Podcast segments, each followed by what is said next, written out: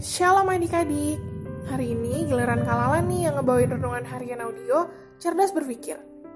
Melalui renungan harian audio ini, kakak berharap pikiran kita semakin diisi oleh kebenaran firman Tuhan. Adik-adik, kakak akan bawakan renungan harian yang judulnya Dosa Kain. Kisah tentang Kain dan Habel udah kita dengar sejak sekolah minggu kan ya? Nah, hari ini kita mau bahas soal kisah ini karena ada pelajaran yang sangat berharga untuk kehidupan kita yang sangat sayang banget nih kalau kita lewatin. Sebelumnya, ada baiknya adik-adik baca dulu kisahnya dalam kejadian 4 ayat 1 sampai 16. Ya supaya supaya adik-adik tahu ceritanya. Adik-adik bisa pause dulu kok renungannya.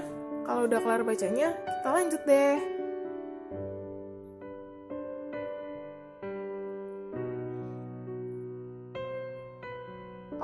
Kita lanjut ya.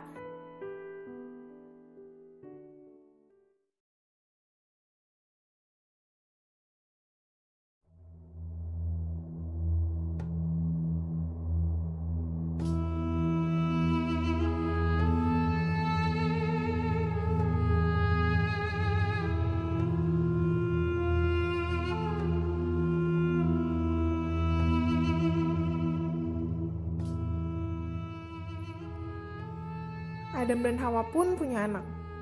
Namanya Kain dan Habel. Kain menjadi petani dan Habel menjadi gembala kambing domba.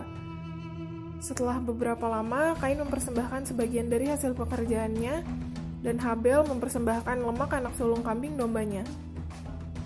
Dan ternyata Tuhan mengindahkan Habel dan persembahannya, sedangkan Kain dan persembahannya nggak diindahkan.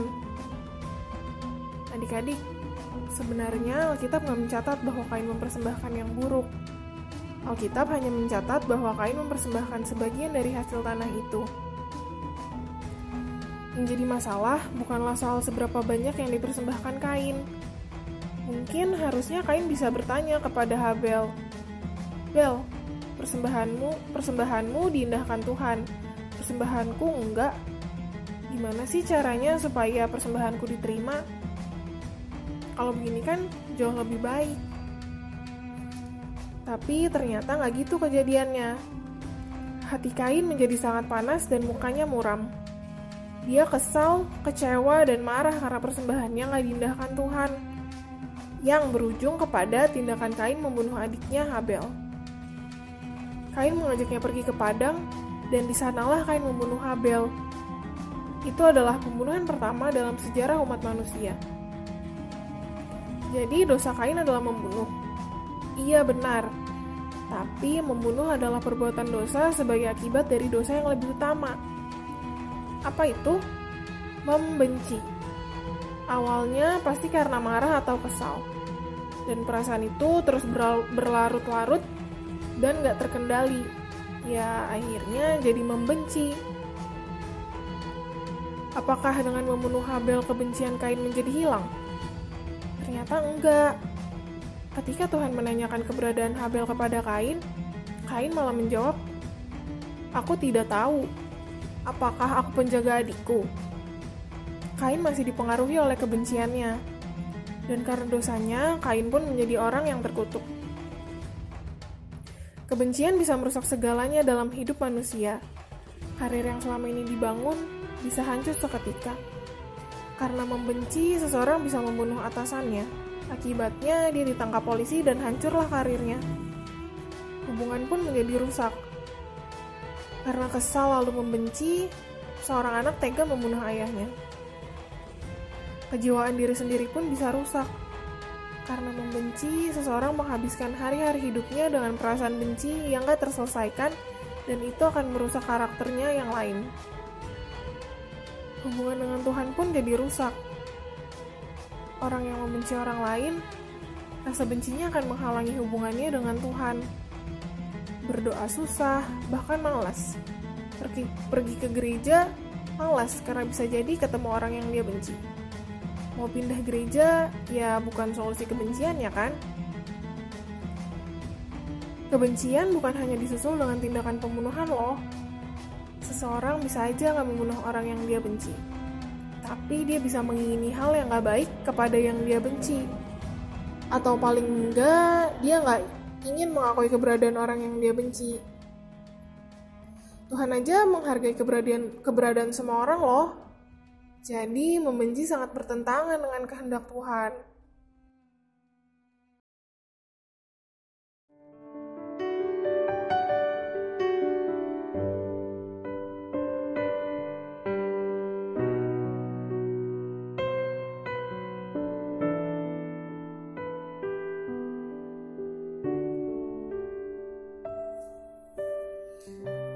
Adik-adik, kakak tahu bahwa di dalam hidup ini ada aja orang yang membuat kita kesal, marah, geram, dan lain sebagainya.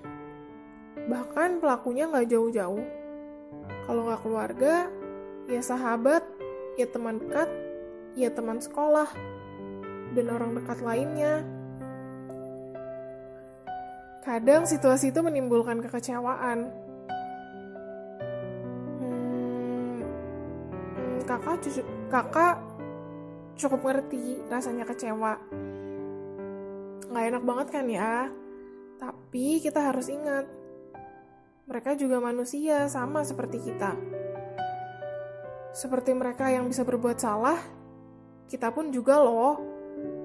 Dan karena keadaan tersebut, Tuhan Yesus datang ke dunia untuk menebus dosa kita dan mengampuni kita. Jadi, kita harus berusaha mengampuni orang yang bersalah kepada kita entah sengaja atau nggak sengaja, walaupun itu nggak mudah. Kakak mau kasih tips ketika kita sedang marah, kecewa, dan lain sebagainya nih. Efesus 4 ayat 26 bilang gini, Apabila kamu menjadi marah, janganlah kamu berbuat dosa. Janganlah matahari terbenam sebelum pada amarahmu. Jadi, kalau kita marah, diusahakan, diusahakan ya supaya nggak lama-lama marahnya. Bernafaslah dengan tenang, lalu bilang kepada diri sendiri, nggak apa-apa kok, nggak apa-apa. Yuk kita berdoa. Tuhan, terima kasih untuk renungan hari ini. Hari ini kami boleh belajar dari kisah Kain dan Habel bahwa kami harus bisa memiliki penguasaan diri dalam rasa kecewa dan marah kami. Kami tahu Tuhan, kami tidak mampu tanpa tuntunan Roh Kudus. Untuk itu, kami mohon Roh Kudus untuk memimpin kami selalu agar kami boleh mampu mengasihi sesama kami. Terima kasih Tuhan. Haleluya. Amin. Tetap semangat ya. Tuhan Yesus memberkati. Dadah.